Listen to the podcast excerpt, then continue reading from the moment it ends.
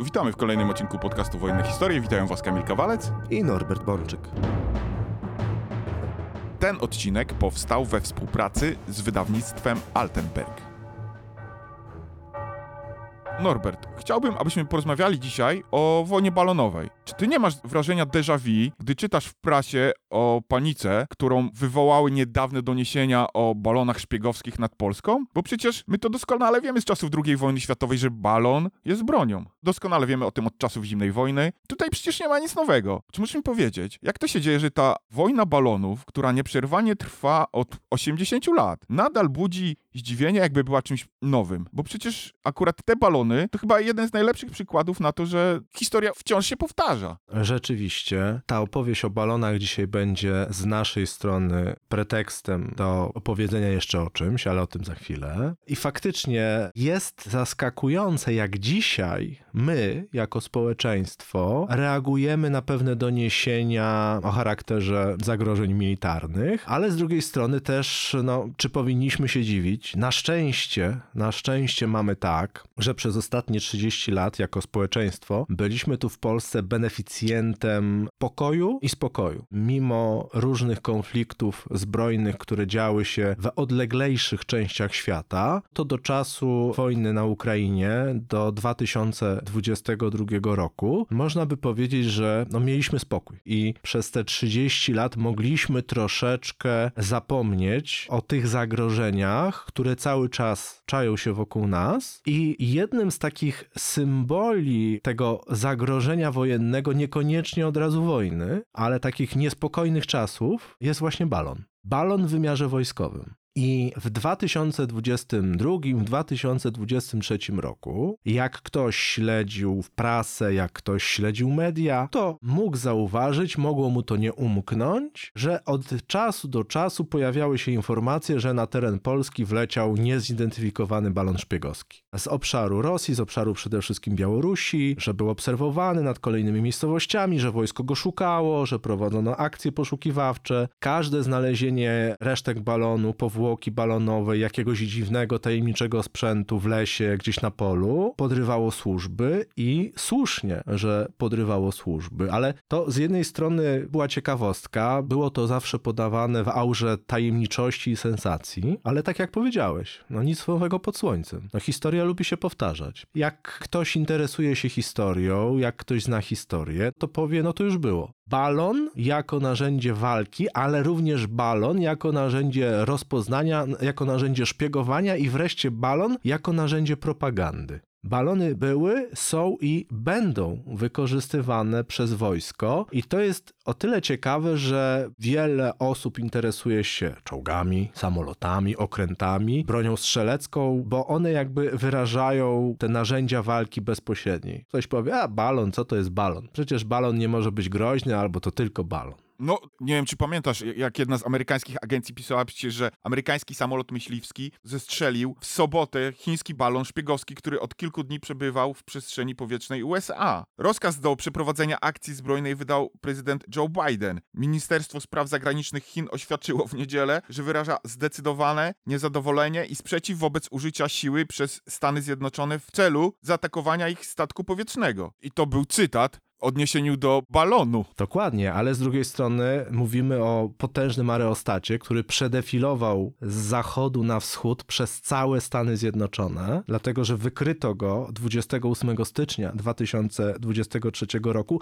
już w rejonie Aleutów i Alaski, a potem on leciał z prądami powietrznymi na granicy Kanady, Stanów Zjednoczonych, wleciał na terytorium amerykańskie, przeleciał nad stanem Idaho, nad Montaną, Montana, Malmstrom Air Force Base, wyrzutnie z międzykontynentalnymi pociskami balistycznymi, a nad nimi na tych 18 kilometrach leci chiński balon i to nie jakiś tam balonik, tylko jak to mówili Amerykanie, urządzenie wielkości trzech autobusów, jeśli chodzi o aparaturę podpiętą pod sam balon. No, słowem, spore zagrożenie. Przeleciał nad Kansas City, przeleciał nad bazą Whiteman, czyli tam, gdzie stacjonują bombowce B-2, aż doleciał do Atlantyku i dopiero wówczas prezydent Biden zezwolił na jego zestrzelenie. Nie chcieli go zestrzelić nad terytorium USA bezpośrednio nad lądem, bo bali się, że może wyrządzić komuś krzywdę. Pozwolili mu przedefilować przez całe Stany Zjednoczone i zestrzelili go, jak tylko wleciał na Ocean Atlantycki. I to wtedy, w lutym 2023 roku, no, było powszechnie komentowane. I jak pamiętasz, no, nasi słuchacze niespecjalnie musieli być zaskoczeni, prawda? No właśnie, bo nasi słuchacze świetnie znają przecież temat balonów jako broni, bo rozmawialiśmy o tym w odcinku poświęconym między innymi japońskiej ofensywie Fugo i już wtedy pokazywaliśmy, że jest to bardziej lub mniej skuteczną bronią. Dokładnie. Ofensywa Fugo, tu polecamy odcinek, czy wojna dotknęła terytorium USA. Balony Fugo w 1945 roku to była pierwsza w historii międzykontynentalna broń dalekiego zasięgu. One były wypuszczane z japońskich wysp macierzystych, korzystały z odpowiednich prądów powietrznych, leciały właśnie w rejonie Aleutu, w rejonie Alaski, w rejonie zachodniej Kanady, wlatywały na obszar przede wszystkim północno-zachodnich Stanów Zjednoczonych, czyli najwięcej tych balonów docierało do stanu Waszyngton, do stanu Oregon. One pojawiały się właśnie w Idaho, w Montanie. I jedyne ofiary śmiertelne wśród cywilów amerykańskich w II wojnie światowej, ludzi, którzy zginęli bezpośrednio na terytorium Stanów Zjednoczonych, na kontynencie północnoamerykańskim, to były właśnie ofiary balonów Fugo. Więc kiedy w roku 2023 Amerykanie zobaczyli chiński balon szpiegowski, który tak naprawdę leciał dokładnie tą samą trasą, którą 80 lat temu leciały japońskie balony Fugo, no to oni mieli powody do zdenerwowania, bo oni jako Amerykanie może słabo znają historię świata, ale dobrze znają własną własną historię. I dla nich to jest może nie trauma, ale oni mają doświadczenie i są przewrażliwieni. Mało bowiem kto zdaje sobie sprawę z tego, że balony wypuszczane w dużych ilościach stanowią bardzo poważne zagrożenie. W 1945 roku balony Fugo na szczęście zabiły tylko kilka osób, ale wywołały olbrzymie zamieszanie i mamy dwa takie bardzo charakterystyczne przypadki. Północno-zachodnie Stany Zjednoczone to jest serce projektu Manhattan. Tutaj znowu odsyłamy do odcinka o wyścigu o bombę atomową. Fabryka plutonu i wielkie elektrownie wodne, które musiały wytwarzać olbrzymie ilości energii, aby te fabryki zasilać. Były incydenty z balonami Fugo, że one dolatywały niemalże w rejon, czy to produkcji bombowców strategicznych, czy produkcji fabryki produkcji plutonu. Czasami zdarzało się, że pojedyncze balony tego typu, uzbrojone przecież w bomby, uszkadzały linie wysokiego napięcia zasilające ten amerykański amerykański kompleks zbrojeniowy związany z bombą atomową. W żaden sposób nie opóźniły prac nad bombą atomową, ale wyobraźmy sobie sytuację, że jednak kilkadziesiąt takich balonów spadłoby we właściwym miejscu. To byłby przypadek, ale to jest rachunek prawdopodobieństwa. Amerykanie w 1945 roku doświadczyli ofensywy balonowej przeciwnika, ofensywy opartej o balony Fugo i po dzień dzisiejszy z jednej strony są bardzo przewrażliwieni na punkcie zagrożenia balonowego, ale z drugiej strony sami doszli do wniosku, że że balon to świetna broń. I zaczęli kopiować te rozwiązania na różne sposoby, bo nie tylko Japończycy w II wojnie światowej sięgali po balony, Amerykanie też prowadzili testy z balonami, Brytyjczycy byli tak naprawdę pionierami wojny balonowej, bo zanim Japończycy stwierdzili, że istnieją te prądy strumieniowe pomiędzy Japonią a kontynentem północnoamerykańskim przez Alaskę, zanim doszli do tego, że można to wykorzystać jako broń, to przecież pierwszą na świecie masową ofensywę balonową, dzisiaj zupełnie zapomniano, zapomnianą, nie wiem zresztą dlaczego, zorganizowali Brytyjczycy. To była ta operacja Outward, która trwała dwa lata ponad, od 1942 do 1944 roku. W ramach operacji Outward Brytyjczycy wypuścili z obszaru Wielkiej Brytanii na kontynent europejski około 100 tysięcy balonów zapalających. My mówimy tyle o nalotach strategicznych, bo one przyniosły efekt. Znamy wszyscy historię i różnie możemy podchodzić do historii, nie wiem, marszałka Harrisa, który palił niemieckie miasta. Natomiast mało kto dzisiaj pamięta, że od wiosny 1942 roku do września 1944 roku bardzo niewielkim nakładem sił i środków brytyjska armia wypuściła na Europę 100 tysięcy balonów. Każdy z takich niewielkich balonów przenosił pod sobą ładunek zapalający, na przykład granat fosforowy albo ładunek zapalający innego typu, tak zwaną kiełbasę, bo to był taki ładunek wybuchowy zapalający zamontowany tak, żeby przypominał rzeczywiście kiełbasę. Ale no wiesz, że przecież ta ofensywa no, przyniosła dość mizerne efekty. Tak, to prawda. Przyniosła dość mizerne efekty. No wysłali 100 tysięcy balonów, byli bardzo zainteresowani, co z tego wynikło. I szukali tych informacji, tylko jednocześnie wysyłali bombowce strategiczne, jednocześnie wysyłali lotnictwo taktyczne, prowadzili mnóstwo różnych operacji i czasami mieli problem, żeby stwierdzić, czy to, co się właśnie wydarzyło, było efektem balonu na przykład. Balony z ładunkami zapalającymi, z granatami fosforowymi przede wszystkim po pierwsze miały palić lasy, miały palić płody rolne i miały niszczyć sieć elektryczną na terenie Europy. I jest kilka potwierdzonych przypadków, łącznie z elektrownią koło Lipska, że balon, który zaatakował transformator, bo spadł na niego albo na linię wysokiego napięcia, spowodował zwarcie, pożar, w efekcie doprowadził do uszkodzenia elektrowni. Brytyjczycy zbierali informacje, że nawet dzisiaj na terenie Mazur spaliło się kilka hektarów lasów w wyniku ataku balonów e, operacji Outward. Czyli zobacz, jakich najróżniejszych niewybuchów możemy się spodziewać na terenie dzisiejszej Polski. Polski saper. Przecież patrole rozminowywania mają służbę każdego dnia. Najlepszym przykładem jest to, że parę lat temu wyciągnięto Talboya, czyli tą olbrzymią brytyjską bombę koło Świnoujścia. Dokładnie, ale możemy znaleźć na terenie dzisiejszej Polski i Talboya, i możemy znaleźć na terenie dzisiejszej Polski amunicję niemiecką, na przykład Skarla, czyli olbrzymi granat moździerzowy, ale możemy też znaleźć resztki brytyjskiego balonu zapalającego z II wojny światowej, bo to dolatywało wszędzie. Chyba jednym z najbardziej sławnych przypadków ataku tego balonu to było zniszczenie systemu sygnalizacji kolejowej w Szwecji, w wyniku czego zderzyły się dwa pociągi. Czyli te 100 tysięcy balonów nie wywołało jakiegoś strategicznego efektu. Ale faktem jest, że na terenie Francji, Belgii, Holandii, Niemiec, nawet Szwecji, Szwajcarii czy dzisiejszej Polski, brytyjskie balony zapalające tu dolatywały. One leciały na relatywnie niewielkiej wysokości, 5 kilometrów, znacznie niżej niż te sławne japońskie Fugo, które leciały jednak na znacznie większych wysokościach, ale jednak ta ofensywa miała miejsce. Ona jest dzisiaj zupełnie zapomniana, ale ktoś, kto się interesuje historią, to nie jest zaskoczony tym, że balon to broń. Bo przecież balon jest wykorzystywany przez wojsko od dwóch wieków. No ponad dwóch wieków, dokładnie. Tak naprawdę balony pojawiły się w wojsku jako pierwsze areostaty w XIX wieku czy na początku XX wieku były wykorzystywane do korygowania ognia artylerii z wysokości. Zresztą w jakimś zakresie w charakterze obserwacyjnej, no to nadal są wykorzystywane. Do wojska polskiego też takie areostaty mają wchodzić, że balon będzie wisiał na wysokości wielu kilometrów, będzie przytwierdzony do podłoża i będzie obserwował z bardzo dużej wysokości wielki obszar. Więc balony do tego są cały czas wykorzystywane. No, to jest idealny, mom Norbert, moment na to, żebyśmy przeszli do tego, czym chcemy się pochwalić i o czym mówiliśmy na samym początku. A tym czymś jest nasza pierwsza wspólna książka. Książka, którą przygotowaliśmy wspólnie z wydawnictwem Altenberg. Dokładnie, Kamilu. Wpadliśmy na taki pomysł, żeby pokazać te analogie. Nie tylko o balonach, chociaż rozdział o balonach też tam jest. Fascynującym zjawiskiem jest to, jak pewne rzeczy w historii się powtarzają. Fascynującym zjawiskiem jest to, chociaż też trochę groźnym, jak możemy dostrzec analogię pomiędzy tym, co było, a tym, co jest i zastanowić się nad tym, co będzie. Dlatego, że te balony, o których dzisiaj rozmawiamy, one są tutaj dobrym pretekstem. Dzisiaj zaskakuje nas to, kiedy słyszymy szpiegowski balon z obszaru Białorusi wleciał na teren Polski. Ale przecież przez kilkadziesiąt lat, przez cały okres PRL-u, na teren Polski cały czas wlatywało mnóstwo szpiegowskich czy też propagandowych balonów z Zachodu. My, jako wówczas blok wschodni, byliśmy poddawani permanentnym akcjom z wykorzystaniem na przykład balonów propagandowych, choćby pod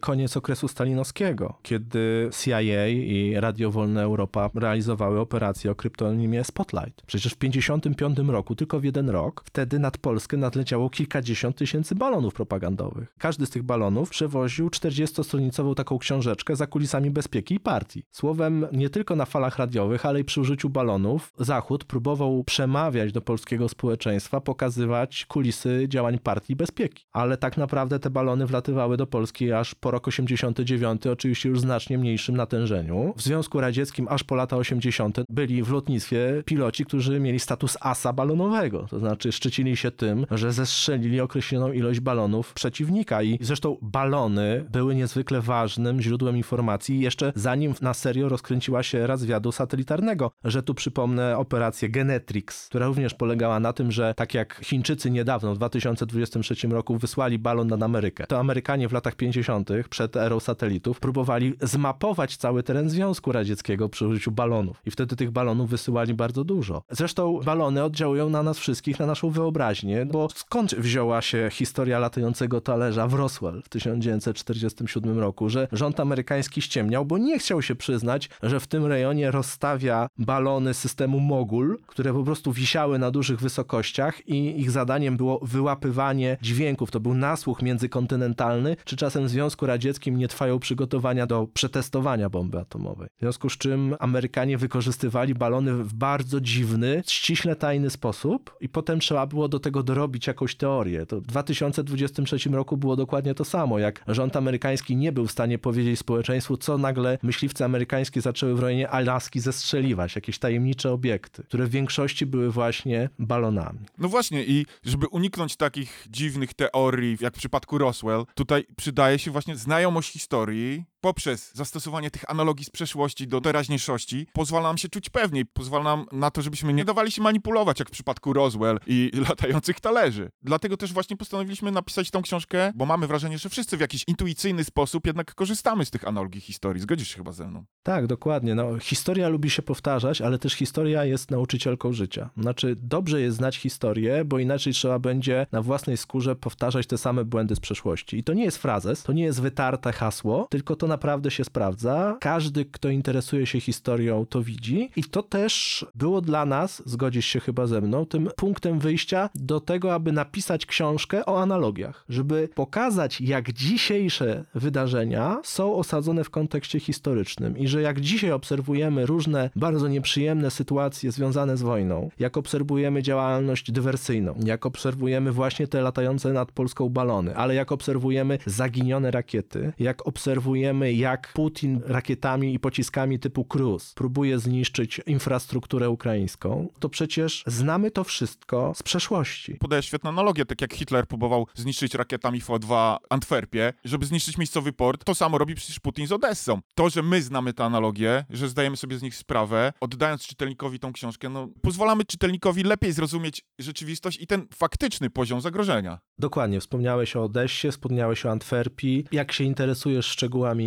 II wojny światowej, to widzisz, jaki wysiłek włożył Hitler, żeby próbować sparaliżować jeden port, jaką olbrzymią liczbę rakiet, jaką olbrzymią liczbę pocisków skrzydlatych wystrzelił, jakie miał efekty. Możesz to zestawić z dzisiejszymi wydarzeniami, możesz zobaczyć, ile tych pocisków Cruz leci na ukraińskie porty i możesz analizować, czy to, co dzisiaj robią Rosjanie, jest skuteczne, może być skuteczne. Oczywiście celność broni jest inna, ale i zdolność obrony przeciwlotniczej jest inna niż 80 lat temu. Ale w wymiarze wielkiej strategii działają dokładnie te same mechanizmy. No i właśnie tą syntezę dajemy naszym czytelnikom w książce. Dokładnie. Tak jak z tym bardzo nieprzyjemnym incydentem w Przewodowie, kiedy ukraińska rakieta przeciwlotnicza zabiła naszych dwóch rodaków i wielu ludzi w Polsce bało się, że to już jest początek wojny, że to jest początek rosyjskiej inwazji, że ta wojna na Ukrainie eskaluje, że przejdzie na terytorium Polski. Jak się zna historię, jak się zna pewne procedury, jak te wojny wybuchają, jak do wojny dochodzi w ogóle, to incydent może być przyczyną konfliktu, ale tylko wtedy, kiedy jest pretekstem. Natomiast jeżeli jest przypadkiem, to nie stanowi takiego zagrożenia. Jeżeli nie ma przygotowań do inwazji na jakiś kraj, to incydenty nie prowadzą do wojny i tego uczy nas również historia. I w drugą stronę, nie trzeba incydentów, jeżeli ktoś chce wywołać konflikt. Intencje są ważniejsze niż przypadkowe zdarzenia, ale i te przypadkowe zdarzenia są groźne i to tego nas również uczy historia. No właśnie, i dlatego tą książkę o tych związkach przyczynowo-skutkowych postanowiliśmy napisać właśnie w takiej formie. Dokładnie, żeby pokazać analogię pomiędzy przeszłością i teraźniejszością, tak jak czasami, mam nadzieję, nasi słuchacze dostrzegają je również w naszych podcastach. No bo zgodzisz się ze mną, że chyba no nie ma nic gorszego niż powielanie jakichś nieprawdziwych mitów, czy też doszukiwanie się jakichś powiązań tam, gdzie one nie występują. Dokładnie, tym bardziej, że nasz przeciwnik, nasz wróg, będzie starał się wykorzystać naszą niewiedzę. Najlepszym tutaj przykładem jest kwestia, czy zdradzono nas w 1939 roku. Rozmawialiśmy o tym nieraz. Dzisiaj niektórzy, którzy Polsce dobrze nie życzą, będą próbowali budować narrację, że dzisiaj możemy zostać tak samo zdradzeni jak w 1939 roku. Nie zdradzono nas w roku 1939, ale byliśmy wtedy w niezwykle niekorzystnej sytuacji strategicznej. Mieliśmy dwóch wrogów na zachodzie i na wschodzie. I byliśmy bardzo biednym krajem i mówiąc brutalnie, w wymiarze wielkiej strategii byliśmy pionkiem. Dzisiaj jesteśmy częścią Unii Europejskiej, jesteśmy częścią NATO, mamy bezpieczne plecy. Nawet jeżeli możemy dyskutować na temat krótkotrwałych relacji polsko-niemieckich, to one na poziomie strategicznym są poprawne, bo Niemcy są elementem bloku, zachodniego bloku z tym ośrodkiem kierowniczym w Waszyngtonie. Dzisiaj nasza sytuacja strategiczna jest nieporównywalnie lepsza niż w roku 1939. I te analogie, a właściwie w tym wypadku te fundamentalne różnice, trzeba rozumieć, trzeba je dostrzec. Właśnie to jest też jeden z fundamentalnych celów, dla których oddaliśmy naszym czytelnikom tą książkę, po to, żeby oni nie musieli, tak jak my, przebijać się przez te dokumenty. Dokonaliśmy pewnej syntezy i po prostu chcemy ją dać naszym czytelnikom właśnie po to, żeby lepiej zrozumieli te zmiany zachodzące obecnie w kontekście tego, co wydarzyło się wcześniej. Dokładnie. I na łamach tej książki próbujemy pokazać naszym czytelnikom, jak na bazie doświadczenia historycznego można ocenić skalę zagrożenia dzisiaj i jak jakieś wydarzenia, które dzisiaj nas dotykają, czy one są rzeczywiście groźne, czy tylko one są rozdmuchane do niebotycznych rozmiarów, mimo że na to nie zasługują. I tutaj mi przychodzi na myśl przede wszystkim właśnie ten bardzo nieprzyjemny przypadek, tragedia sprzewodowa. Przychodzi mi na myśl dyskusja o rosyjskim pocisku skrzydlatym pod Bydgoszczą jak to można porównać przez analogię. Staraliśmy się pokazać, że zagrożenia istnieją, nie są niczym nowym, natomiast w pewien sposób można je oswoić, jeżeli się je zrozumie, jeżeli osadzi się je w odpowiednim kontekście. Idealnym przykładem jest to, czy jesteśmy gotowi na wojnę atomową. Tak, a jednocześnie próbujemy odpowiedzieć na pytanie, jak bardzo groźna jest wojna atomowa. Bo to tak naprawdę wcale nie jest zero-jedynkowe, że wojna atomowa zabije wszystkich i koniec, bo gdyby tak było, to nikt by się nie przygotowywał na jej przetrwanie, na obronę, no bo nic nie miałoby sensu. Na szczęście tak nie jest. Można tu zacytować Sienkiewicza, że gdyby każda kula zabijała, to by matki nie zdążyły dzieci rodzić. No i to wszystko jest w naszej książce. Ta książka jest jakimś zakresie wyrazem naszego doświadczenia i chęci podzielenia się przykładami z przeszłości i zestawienia je z teraźniejszością, żeby pokazać, że zagrożeń nie należy lekceważyć, ale nie należy się ich również bać. Jeżeli je rozumiemy, osadzimy je w odpowiednim kontekście, tak jak nie powinniśmy się przesadnie bać, chociaż nie powinniśmy lekceważyć informacji o tym, że właśnie przylatują do nas balony szpiegowskie, że może na terytorium Polski spaść zabłąkana rakieta, bo możemy na podstawie analogii z przeszłości, porównań z przeszłości stwierdzić,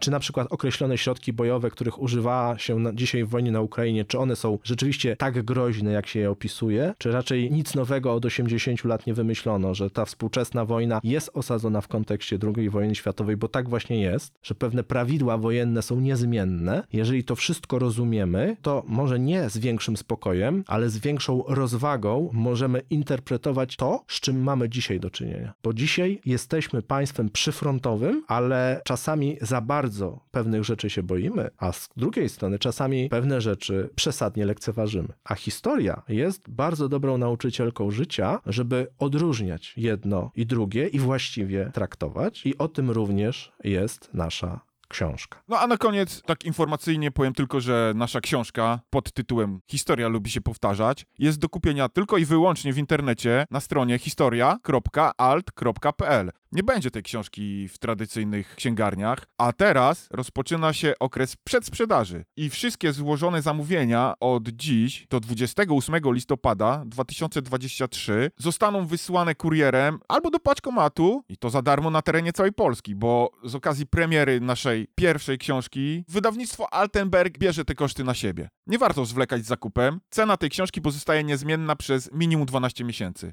Każdy kupujący teraz załapie się więc na darmową dostawę i pierwszeństwo w wysyłce, którą planujemy rozpocząć w pierwszej połowie listopada, gdy wydrukowane egzemplarze przyjdą do magazynu. Link do księgarni historia.alt.pl zostawimy oczywiście w opisie tego odcinka, dlatego wejdźcie teraz na stronę historia.alt.pl i kupcie swój egzemplarz szybko i bezpiecznie. Dziękujemy, że byłeś z nami do końca tego odcinka. Odwiedź nas na Facebooku, Instagramie, Twitterze lub TikToku. Wszędzie tam znajdziesz nas wpisując podcast Wojenne Historie. Do usłyszenia.